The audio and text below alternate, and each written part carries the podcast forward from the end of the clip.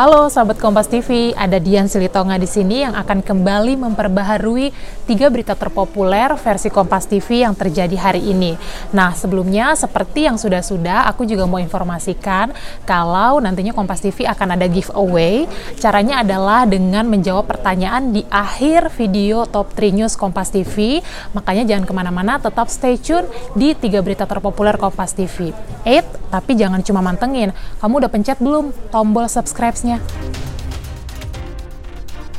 Ya, berita pertama datang dari Hotman Paris yang mendatangi Kejaksaan Agung untuk tindak pidana korporasi yakni kasus Jiwasraya. Nah, Hotman Paris ini datang sebagai kuasa hukum dari dua perusahaan manajer investasi yang terkait dalam kasus Jiwasraya tersebut. Seperti apa liputannya? Yang berikut ini.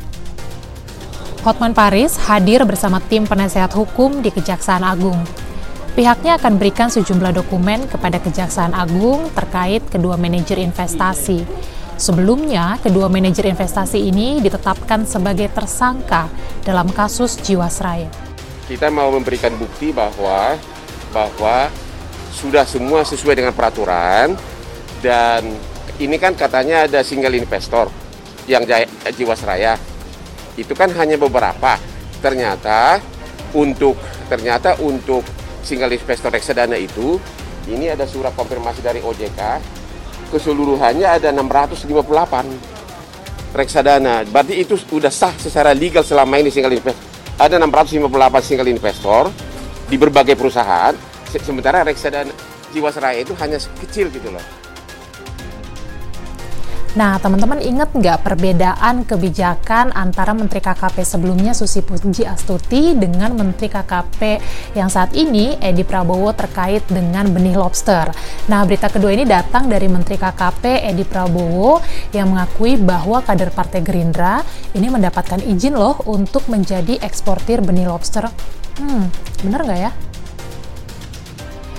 Menteri Kelautan dan Perikanan Edi Prabowo mengakui kader Partai Gerindra mendapatkan izin untuk menjadi eksportir benih lobster.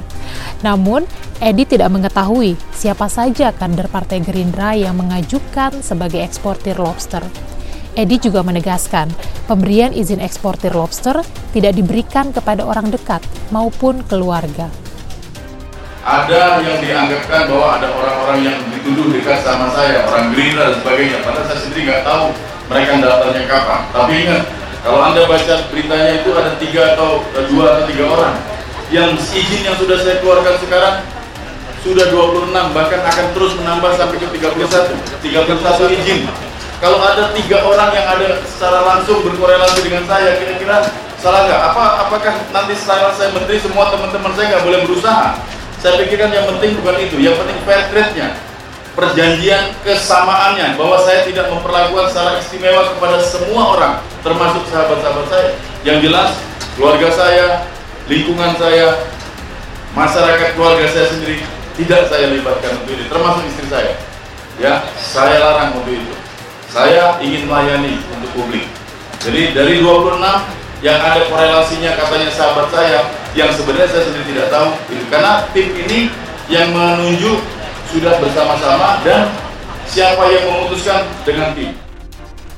Ya, kita masuk di berita terakhir. Ini datang dari Bareskrim Mabes Polri yang berhasil mengungkap pelaku peretasan 1309 situs milik pemerintah. Nah, situs dan akun korban peretasan ini beragam, mulai dari milik pemerintah, milik Mahkamah Agung, sampai milik institusi pendidikan.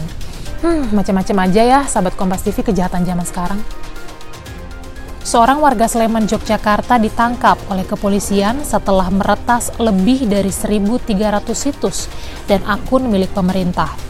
Kadif Humas Polri Irjen Pol Argo Yuwono menyebut ada pelaku lainnya yang ikut beroperasi setidaknya di luar negeri, seperti Australia, Portugal, Inggris, dan Amerika Serikat. Jadi selain itu juga bahwa pelaku juga tidak hanya di Indonesia ternyata setelah kita melakukan pendalaman kembali ini juga ada di negeri Australia, Portugal, Inggris dan Amerika. Dia juga ngehack ke sana itu ya. Ini juga kita masih belum percaya apakah 1309 akun yang dihack sama tersangka ini. Ini masih didalami oleh Direktur Cybercrime. Nantinya nanti apakah ada ada jumlah yang lebih ini sedang kita dalami kembali. Tapi yang terdata masih sementara ini 1309 ini ya terdata di sana. Kemudian juga eh, dari pelaku ini motifnya ya, motif dari pelaku ini ya ekonomi motifnya, ekonomi dan kemudian juga eh, dia ingin mengecek kekuatan daripada akun-akun tersebut. Ternyata mudah di dihack.